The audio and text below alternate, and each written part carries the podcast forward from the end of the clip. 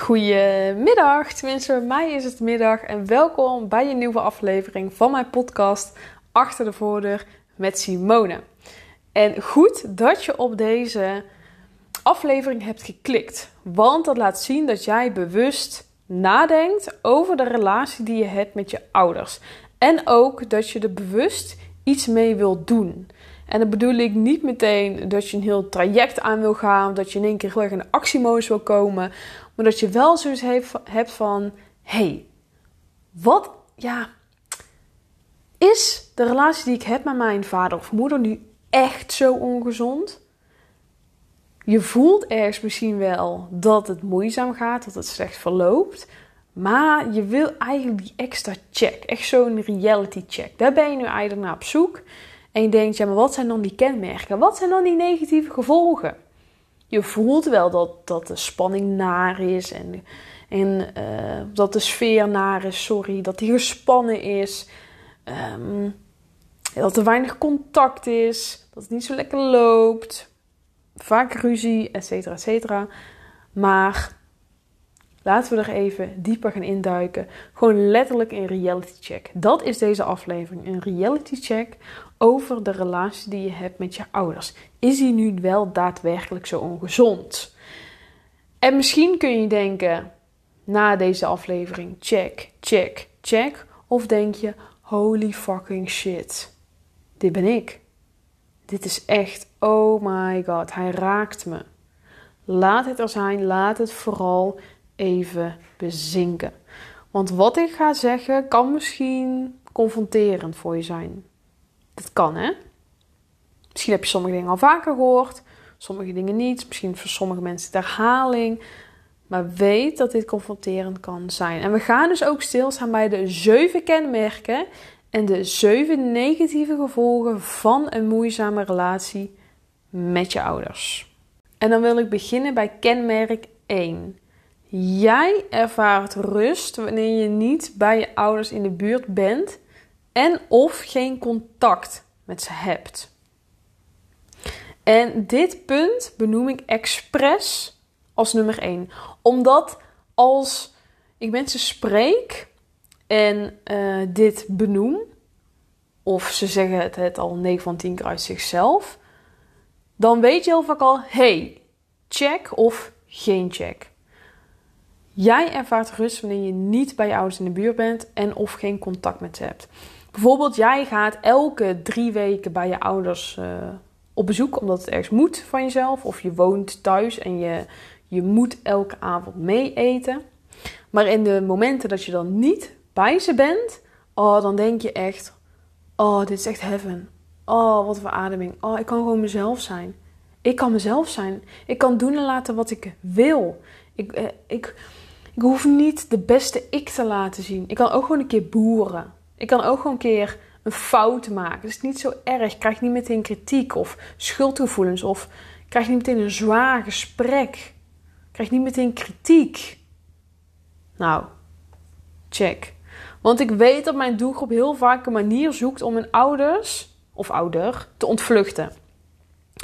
Nou, stel je woont thuis, dan doe je dat bijvoorbeeld door vaker naar je vrienden te gaan, door je op te sluiten boven op je kamer.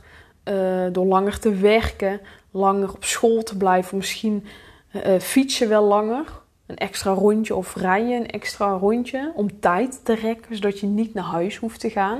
Maar het kan ook zo zijn dat je um, niet meer thuis woont. En dat je gewoon het bezoekmoment bijvoorbeeld uh, die één keer in de week of die één keer in de twee weken, dat je die zo lang mogelijk uitstelt. Of soms verzin je zelf een excuus hey, pa of ma, nee, ik kan niet naar je feest komen, want dit, dat, zus, zo. Soms is het echt zo, maar soms maak je het ook wat dramatischer en wat heftiger, zodat je leugen ergens ja, geloofwaardig overkomt en je absoluut niet naar huis hoeft te gaan. Dat vind je ergens moeilijk, maar je weet ook als ik naar de feest ga of als ik op bezoek moet, oh, dan ben ik binnen een uur gewoon al leeggezogen. Plus, als we naar het feest gaan, heb ik echt geen zin om leuk en gezellig te gaan doen. Terwijl we een week geleden nog een dikke ruzie hebben gehad waar niet over gesproken is. Daar heb je dan helemaal geen zin in. Dus jij wil die negatieve sfeer en die eventuele ruzies of kritiek of ja, weet ik veel, wil je gewoon ontwijken. Daar heb je gewoon geen zin in. Ja, dan kies je liever voor dat excuus of een negeer- en ontwijksessie dan een grens aangeven. Want een grens aangeven vind je moeilijk, want je wilt er ook zijn voor je ouders. Plus, je verwacht of je denkt dat het ergens van je wordt verwacht. Misschien van je ouders, of misschien van andere gezinsleden, je broers of zussen, of misschien van familie wordt er van je verwacht dat je wel contact houdt met je ouders. Je bent loyaal naar je familie, naar je vrienden, naar je ouders. Dat snap ik. En stel je zou dan die grens een keer aangeven. Wat als? Wat zou er dan gebeuren als jouw broer, vader, moeder, zus, oom, tante, opa, oma boos wordt? Als ze je grens niet begrijpen en jij jezelf tien keer moet verantwoorden. Of je bent bang dat de relatie dan nog slechter wordt, dat je, dat je verlaten wordt. En je hebt al het gevoel dat je er zo vaak alleen voor staat. Dat wil je absoluut niet. Help, help, help. Jij wil niet het zwarte schaap zijn. Jij wil aardig gevonden worden. En de angst om alleen achter te blijven is zo groot. De angst voor kritiek is zo groot dat je maar geen grens aangeeft. En als je dan naar dat feest gaat, of als je even op bezoek gaat, dan heb je please gedrag vertoond. En dat is soms niet erg, hè? Maar in mijn doelgroep is het heel vaak uit balans. Ze pleasen vaker dan als ze voor zichzelf kiezen. En als ze dan pleasen, dat levert je ook iets op. Hè? Dan heb je even rust, even soort van plezier, want je ouders zijn blij. En je hebt even geen stress, want je bent weer geweest. En dan kun je er weer twee weken tegenaan. Of een week. Ik weet niet hoe vaak je ouders je berichten of dat je voor je gevoel langs moet komen. Maar je weet, elke keer als je weer naar huis gaat, of keer als je naar je kamer gaat, of naar je vrienden gaat en je komt weer naar huis, dat moment dat dat gevoel weer komt en jij die confrontatie aan moet gaan, die gaat weer komen. Maar ja, omdat je ook niet weet waar je moet beginnen en hoe je het moet doen en de angst om ja, kritiek te krijgen, buiten de boot te vallen, niet goed genoeg te zijn, is zo groot dat je niet weet waar je moet beginnen. En dan kies je maar gewoon voor de veilige weg, de weg die je altijd aflegt. Dus gewoon het pleasen. Check. We gaan door naar 2. Kenmerk 2. Wanneer je een bericht krijgt van je ouders of hem haar denkt te zien, schiet je in de paniekstand.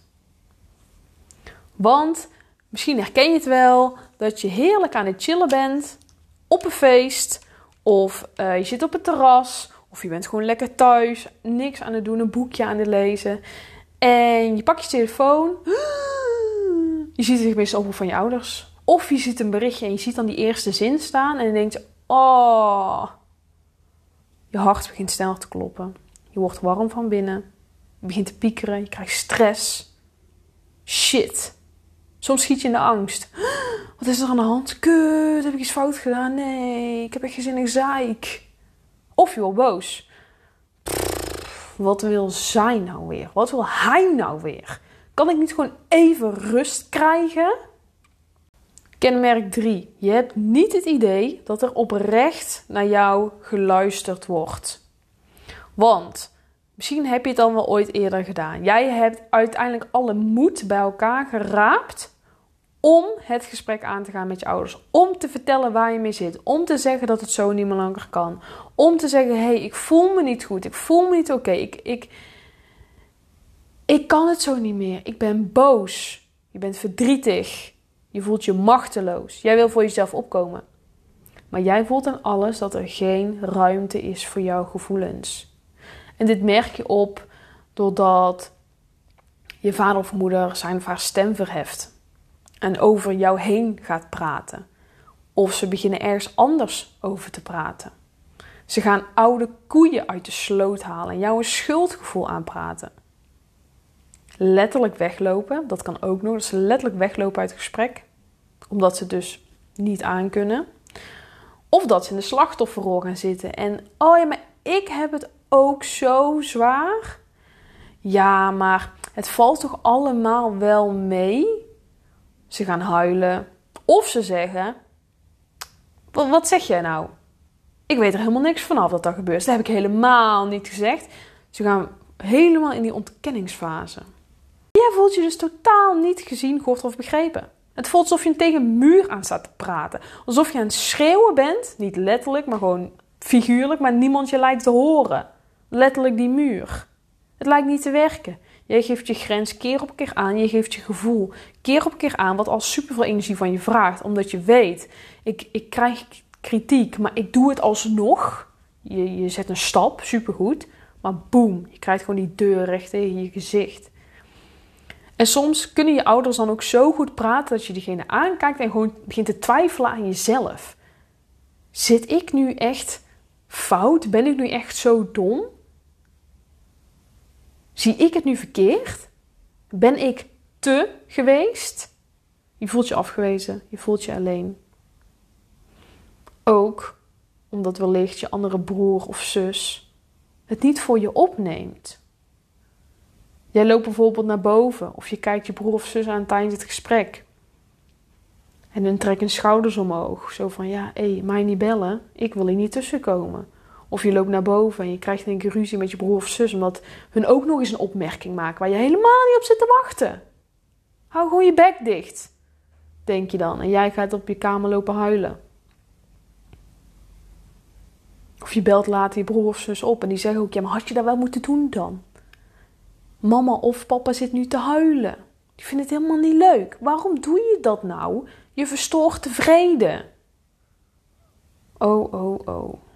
Jij voelt je totaal niet gehoord. En dan weer die zinnen. Het komt wel goed. Ieder huisje zo zijn kruisje. Er is overal wel iets. Stel je eigen niet zo aan. Als je dan bijvoorbeeld praat met andere mensen uit je omgeving. Je bent sterker dan je denkt. Nog even doorgaan. Als mensen, dat kunnen mensen ook zeggen. Maar jij denkt alleen maar, oh, kots. Je moet er nog niet echt van kotsen, maar in je hoofd moet je er wel van kotsen. Herken je ondertussen al in meerdere punten? Weet dan dat het oké is. Laat het vooral even bezinken. En dan gaan we door met kenmerk 4. Jij hebt geen behoefte aan contact. Oogcontact, schouderklopje, knuffel, kus op de wang.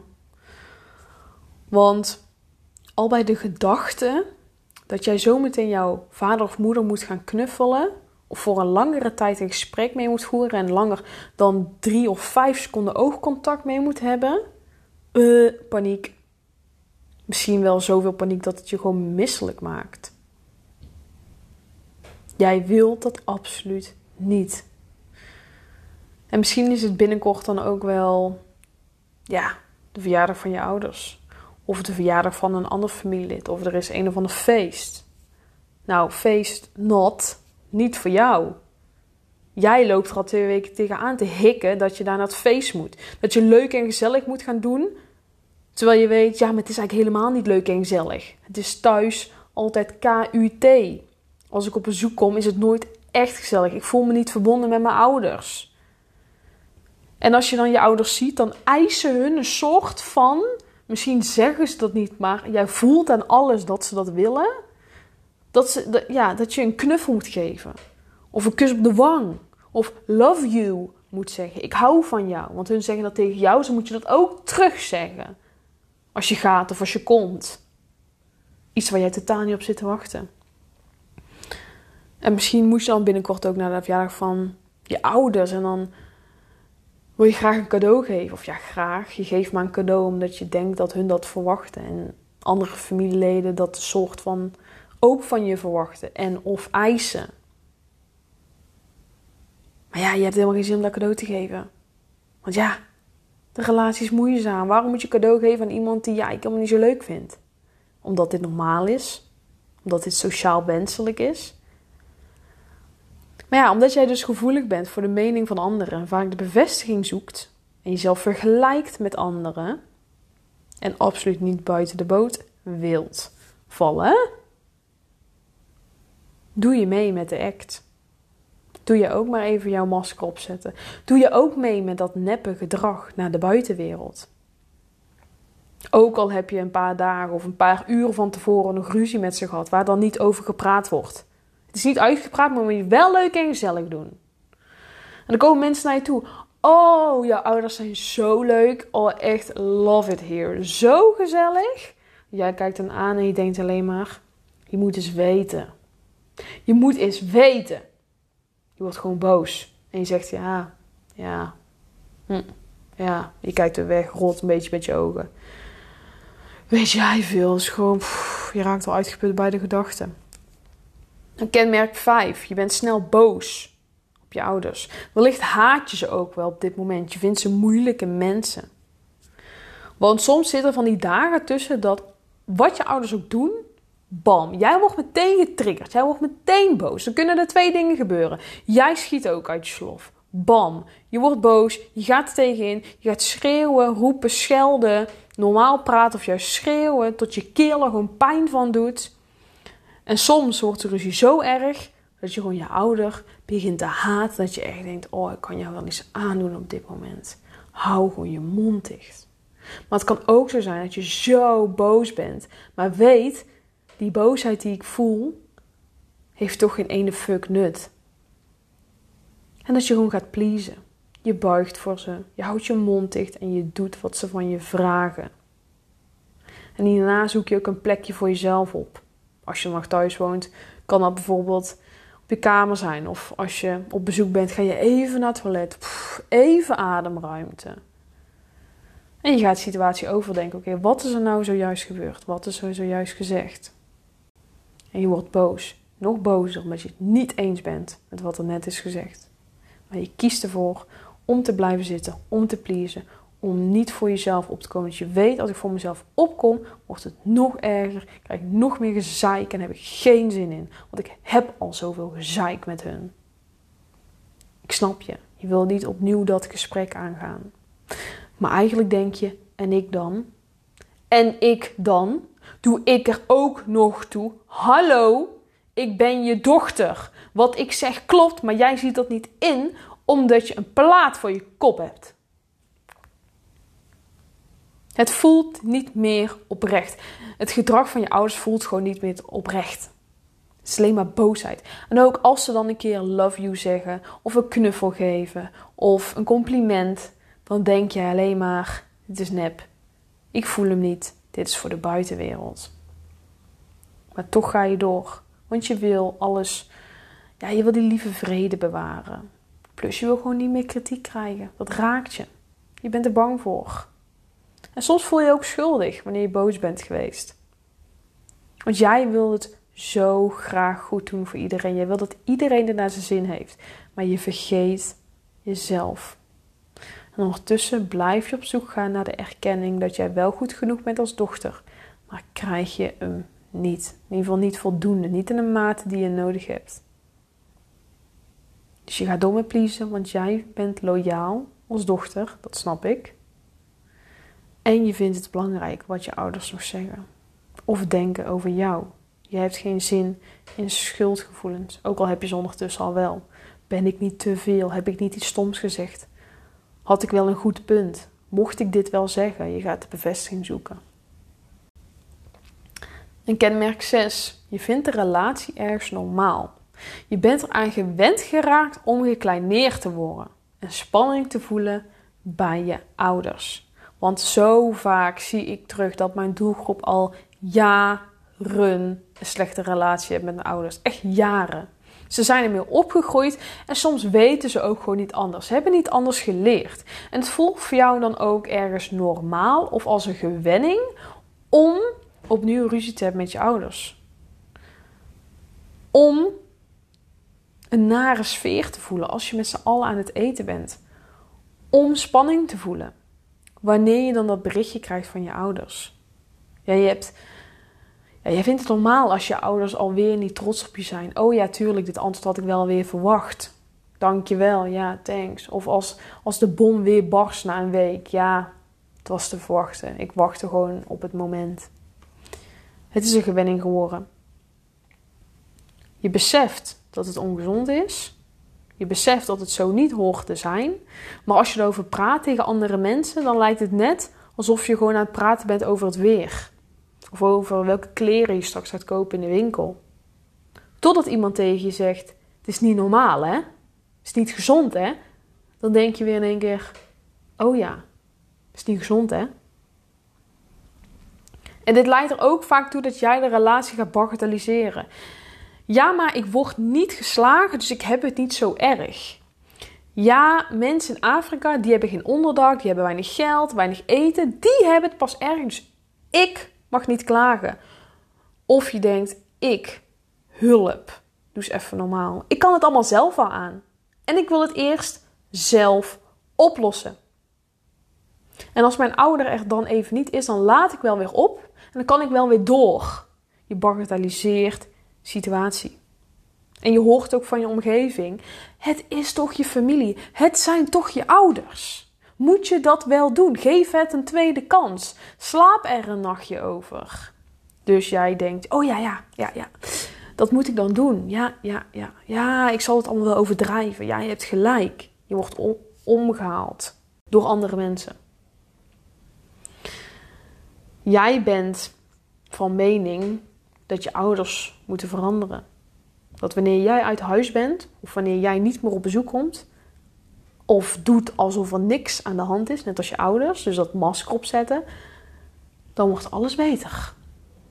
Jij bent van mening dat je ouders in therapie moeten. Jij niet. Zij moeten sorry zeggen. Jij niet. Zij moeten inzien wat hun fouten zijn. Jij niet. Zij moeten net zoveel pijn lijden als wat jij hebt gedaan. Of nog steeds doet. Dan is het pas eerlijk. Maar besef, wat heeft je dat tot nu toe gebracht? Dat heel de tijd ervoor zorgen dat hun veranderen, hun sorry zeggen, hun inzien wat hun doen. Zeggen dat hun moeten veranderen, dat hun therapie moeten, dat hun jou niet begrijpen. Dat hun het probleem zijn. Wat heeft je dat opgeleverd? Naast de hoofdpijn, de nekpijn, de slechte nachten, de vermoeidheidsklachten, de irritaties, de stress. Wat heeft je dat opgeleverd? En dan het allerlaatste kenmerk, kenmerk 7. Omdat je niet de liefde krijgt van je vader of je moeder, zoek je de erkenning op bij andere mannen of vrouwen. En het kan zo zijn dat je denkt: Siem, doe ik niet. Het kan zo zijn dat je dat nu denkt. Ik ga je even een paar simpele voorbeelden geven. Want dit is ook iets wat ik heel vaak terug zie komen. Simpel voorbeeldje. Staat de volgende persoon zogenaamd al klaar wanneer het dreigt uit te gaan met je vriend of vriendin? Voel jij je pas goed genoeg wanneer je compliment hebt ontvangen van andere volwassen mannen of vrouwen? Dit kan zijn op stap, maar dit kan ook zijn op je werk of op je stage. Schiet je in de paniekstand wanneer het uitgaat met je partner en kun je absoluut niet lang alleen zijn. En sta je op stap, misschien wel eens te gluren, word ik wel gezien? Krijg ik de bevestiging dat ik er wel mag zijn, dat ik wel goed genoeg ben?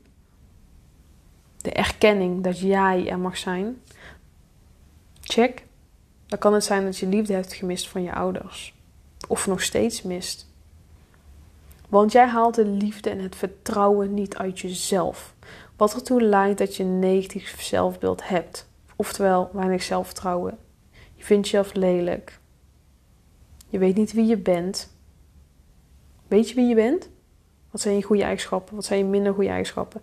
Die minder goede eigenschappen kunnen we heel vaak opnoemen. Wat zijn nou je goede eigenschappen? Schrijf je die wel eens ooit voor jezelf op? Zeg je wel eens tegen jezelf dat jij er wel mag zijn? Dat jij trots mag zijn op wie je bent? Of als je bijvoorbeeld om advies. Um, nee, als je bijvoorbeeld een keuze maakt. Dan heb je eerst nog van tien mensen bevestiging nodig dat die keuze er wel mag zijn. Dan haal je ook bevestiging uit anderen. Of als jij een gesprek aan wilt gaan met je ouders en wilt zeggen hoe je je voelt, ga je dan eerder bij iedereen navragen: hey, als ik dit en dit en dit zeg, is dat dan goed? Mag ik dat zeggen? Heb ik dat recht? Of is het niet stom als ik dat zeg? Is het niet raar als ik dat zeg? Ben ik dan niet te veel? Ben ik dan niet egoïstisch? Ben ik dan niet een prinses? Als ik dat zeg. Vaak doe je dit onbewust. Je gaat niet denken: oké, ik ga nu even een compliment scoren. Of oké, ik ga nu even kijken of dat ik eh, bevestiging kan krijgen bij mijn leidinggevende. Of ik ga nu even een compliment uh, halen bij die jongen die uh, daar aan de bar staat. Nee, dat doe je niet bewust. Doe je onbewust. Ook wel een stukje perfectionisme. Jij wil altijd die lat zo hoog leggen. En als je dan dat compliment krijgt, dan voel jij je eindelijk gezien, gehoord en begrepen. Maar je merkt op dat de compliment leuk is, vind je ook heel fijn. Maar ja, het zorgt voor even een goed gevoel, enkele uren, enkele dagen. Maar daarna ben je opnieuw op zoek naar die bevestiging. Omdat je het niet hebt gekregen, of soms nog niet krijgt van je ouders. En soms heb je dan ook geen zin als je die bevestiging niet krijgt of niet kunt zoeken op een of andere manier, dan heb je geen zin om te voelen. Dus je voelt je alleen, onzeker en teleurgesteld. Dus wat ga je doen? Je gaat het onderdrukken. Scroll op social media voor afleiding. Maar uiteindelijk leidt dit ertoe dat je jezelf gaat vergelijken en nog onzekerder maakt. Of harde muziek aanzet om je eigen negatieve gedachten te onderdrukken. Maar wat soms juist leidt tot hoofdpijn. Door al die drukte in je hoofd. Of langer door te werken op je werk, zodat je je gedachten ergens anders op kunt richten, maar ondertussen alles opkropt, waardoor je energieloos thuis op de bank ploft. Je gaat naar je vrienden, langer weg van huis, het gezeik een koude sfeer ontwijken. Of je gaat eten. Om dat onrustige gevoel in je lijf niet te voelen, maar daarna voel je weer schuldig, voel je je weer dik. En soms mis je dan ook het plezier in je leven. Je voelt je down, je voelt je alleen, je voelt je afgewezen. En je hebt donkere gedachten. Als dit het leven is, dan hoeft het voor mij niet meer. Zou iemand mij missen als ik er niet meer ben? Als ik mezelf zou snijden, zou dit dan helpen? Zou ik dan minder pijn ervaren? Je verlangt naar de erkenning dat jij er wel te doet als dochter. Dat je ouders trots op je zijn en dit ook oprecht menen. Niet alleen maar zeggen om te zeggen, maar dat jij het ook voelt. Ondertussen krijg je het niet. Niet van anderen, niet van je ouders, ook niet van jezelf. En omdat je niet weet hoe je het moet aanpakken, een volle hoofd hebt, geen helderheid ervaart, ga je maar door met uitstellen, uitstellen, uitstellen. Of je gaat juist als een spons, als een gek, allerlei tips en tricks opzuigen die uiteindelijk niet werken voor jou. En hoe is het dan om dit nu zo te horen? Komt dat besef in één keer binnenvallen? Of misschien is het voor jou, heb je het al vaker gehoord, is het een stukje herhaling, maar is het nog die extra bevestiging? Niet erg, je zit bij mij aan het juiste adres. Want het is mijn missie om dat taboe over mentale problemen door een moeizame relatie met je ouders te doorbreken. Ik wil een veilige en betrouwbare omgeving creëren. Jij en ik, waarbij je gezien, gehoord en begrepen voelt. Dat vind ik zo extreem belangrijk. Want stel je voor dat het allemaal anders kan. Dat je niet nog vaker hartkloppingen krijgt en angstgevoelens wanneer je dat ene bericht op je telefoon ziet staan. Dat je niet elke keer op zoek moet gaan naar die bevestiging dat jij wel goed genoeg bent. Dat je niet bijna dagelijks op de bank of op je bed zit te huilen van woede. Met de gedachte: wat moet ik doen? Hoe moet ik het doen? Ik weet niet waar ik moet beginnen. Of je jezelf continu gaat vergelijken met Jan en alle man omdat je niet op jezelf vertrouwt, wat je nog onzekerder maakt. Dat perfectionisme, die faalangst, de angst om zwak over te komen. Stel je voor dat dat niet continu elke dag de overhand neemt. En nu denk je, leuk en aardig zien, maar geloof er de ballen van. Mijn hoofd is zo vol, ik weet niet waar ik moet beginnen. Wil jij daar dan vanaf? Wil jij die eerste stap zetten? Laagdrempelig, vrijblijvend? Dan heb ik iets voor je. Want twee keer per maand geef ik een gratis online consult weg. Jij en ik 45 minuten lang in een online meeting waarin ik je ga helpen. Wij gaan samen jouw grootste dilemma bespreken, onderzoeken en tackelen. Want voorafgaand de call heb jij een formulier ingevuld. Waarin je jouw grootste saboteur omschrijft. Jij geeft door welke datums je kan en ik neem persoonlijk contact op met jou om een gesprek in te plannen. En voorafgaand onze call neem ik dat formulier dus ook aandachtig door, zodat ik jou al beter leer kennen en je oprecht kan zien, horen en begrijpen. Mijn volledige aandacht 45 minuten lang op jou. Ben je misschien niet gewend, maar ik wil het je geven. In een veilige en betrouwbare omgeving. Jij mag huilen. Je mag het even niet weten. Je mag om hulp vragen. Je hoeft geen perfect antwoord te geven.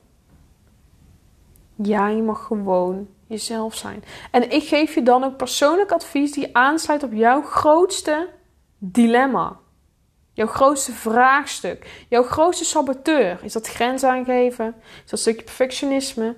Is dat de angst om niet goed genoeg te zijn? Is dat het contact willen verbreken met je ouders? Wat is het? Jij weet na dit gesprek dan ook wat jouw eerstvolgende stap gaat zijn. Die niet overweldigend aanvoelt. Want ik weet dat jouw hoofd vol zit met andere dingen. Ik weet dat je denkt: hoe moet ik het doen? Waar moet ik beginnen? Wat als? Error, error, error. Daarom wil ik ook een stap met jou ja, gaan maken, gaan zetten die niet overweldigend aanvoelt. En na dit gesprek ervaar je ook een gevoel van helderheid. Je weet wat jouw eerstvolgende stap gaat zijn. En je voelt je gezien en begrepen. En soms is het persoonlijk advies dan ook in de vorm van liefde. En soms in de vorm van een confrontatiemoment. En soms in de vorm van een schop onder de kont. Soms niet leuk, maar wel nodig af en toe. Ik zie zo vaak dat mensen bij mij komen met een vraag, maar dat ik ze 9 van de 10 keer een ander advies geef dan wat ze eigenlijk voor mij, ja, wat ze eigenlijk dachten te krijgen. Omdat er 9 van de 10 keer iets anders onder zit. Ben je wellicht niet van bewust, dat is niet erg. Maar daar wil ik je dan ook bij helpen. En ben je dan ook op dit moment die, die vrouw, die volwassen of jongvolwassen vrouw, en voel jij, wow, die zeven kenmerken, die zeven negatieve gevoelens die Sim net heeft opgenoemd, dat ben ik. Grotendeels of helemaal. En durf jij dan een keer voor jezelf op te komen, voor jezelf te kiezen. Eindelijk een keer voor jezelf te kiezen. Ja te zeggen. Dat is niet egoïstisch. Dat is niet verwend. Dat is niet overkomen als een prinses. Dan kun je kans maken op een gratis 1 op 1 consult. 45 minuten lang met mij. Ik maak deze podcast op 2 augustus. Ik ga hem zo meteen uploaden. En mocht je denken, ik wil dit zo snel mogelijk, ik zal de link in de beschrijving toevoegen. Dan kun je jezelf aanmelden. Dan kunnen we in augustus nog een gesprek met elkaar inplannen. Want vanaf september heb ik 2,5 week vakantie. En dan kan ik je nog helpen om die eerstvolgende stap te zetten. Helderheid creëren in dat kopie. En laat nou niet die negatieve saboteurs de overhand nemen. Laat, laat niet die meningen van anderen, die mening van je ouders de overhand nemen. Vrijblijvend, laagdrempelig een call met mij. Ik zal het hieronder in de beschrijving zetten. En mocht je zoiets hebben, het, het raakt me, ik moet ervan huilen. Ik, uh, ik heb er zweetoksels van gekregen. Weet dat je ook altijd mij vrijblijvend een DM mag sturen op Instagram. En dan ga ik kijken hoe ik je verder kan helpen. Yes. Heel erg bedankt voor het luisteren. Voor ja, dat je erbij bent. Het zijn kwetsbare onderwerpen. Het zijn intense onderwerpen. Maar ik ben je dankbaar en ik wens je in ieder geval een hele fijne dag.